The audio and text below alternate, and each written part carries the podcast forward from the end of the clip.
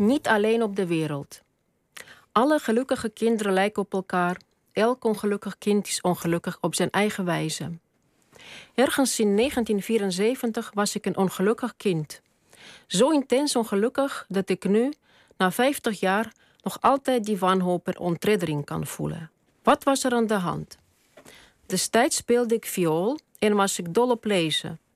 Meer dan op viool spelen, vermoed ik. Ook mijn vioollerares las graag en dikwijls bespraken we allerlei boeken. Op een keer zei ze dat ze een heel mooi boek voor mij mee zou nemen volgende keer. Die volgende keer had ik niet zo goed viool gestudeerd.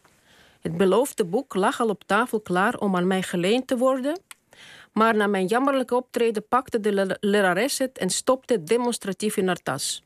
Dat boek kon ik vergeten. Ze zou het me nooit lenen. Het was mijn straf. En toen werd ik bevangen door een immens verdriet. Alsof iemand van wie ik hield opeens dood was gegaan. En ik alleen bleef op de koude, vrede wereld. Zo heet ook het boek, Alleen op de wereld. Thuis hadden we heel veel boeken, maar niet dit boek. Pas jaren later heb ik het gelezen, rijkelijk tranen gietend bij de dood van het aapje Jolicoeur. Ik bleef veel lezen. Boeken vertelden me iets wat ik voelde, maar niet kon verwoorden. Terwijl ze me naar een andere wereld voerden die spannender was, zetten ze ook de alledaagse dingen om me heen in een ander, raadselachtiger licht. En ik voelde me niet alleen op de wereld. Op een gegeven moment kwam ik erachter dat er ook verboden boeken bestonden, die we niet mochten lezen, opdat we onschuldig bleven en zuiver. Inmiddels wist ik hoeveel schrijvers en dichters vermorzeld waren door totalitaire regimes hoeveel schrijvers in ons land onderworpen werden aan vernederende censuur, rechtszaken, lastercampagnes, geïnsceneerde volksgerichten.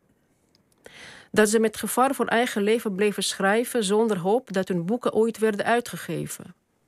Degenen die hun boek in het buitenland uitbrachten, werden als verraders bestempeld en vervolgd.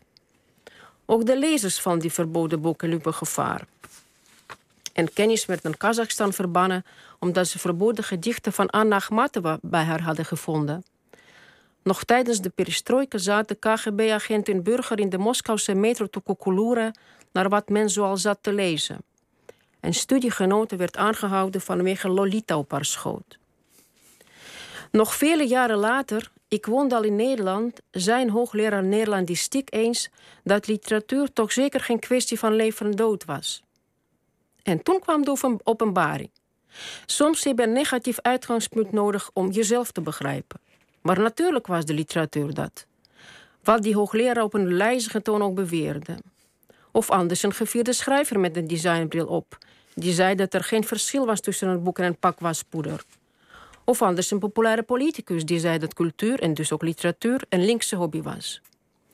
Zonder al die boeken die de schrijvers hun leven en gezondheid riskerend voor ons schreven, waren we destijds al lang een geestelijke dood gestorven, onschuldig en zuiver.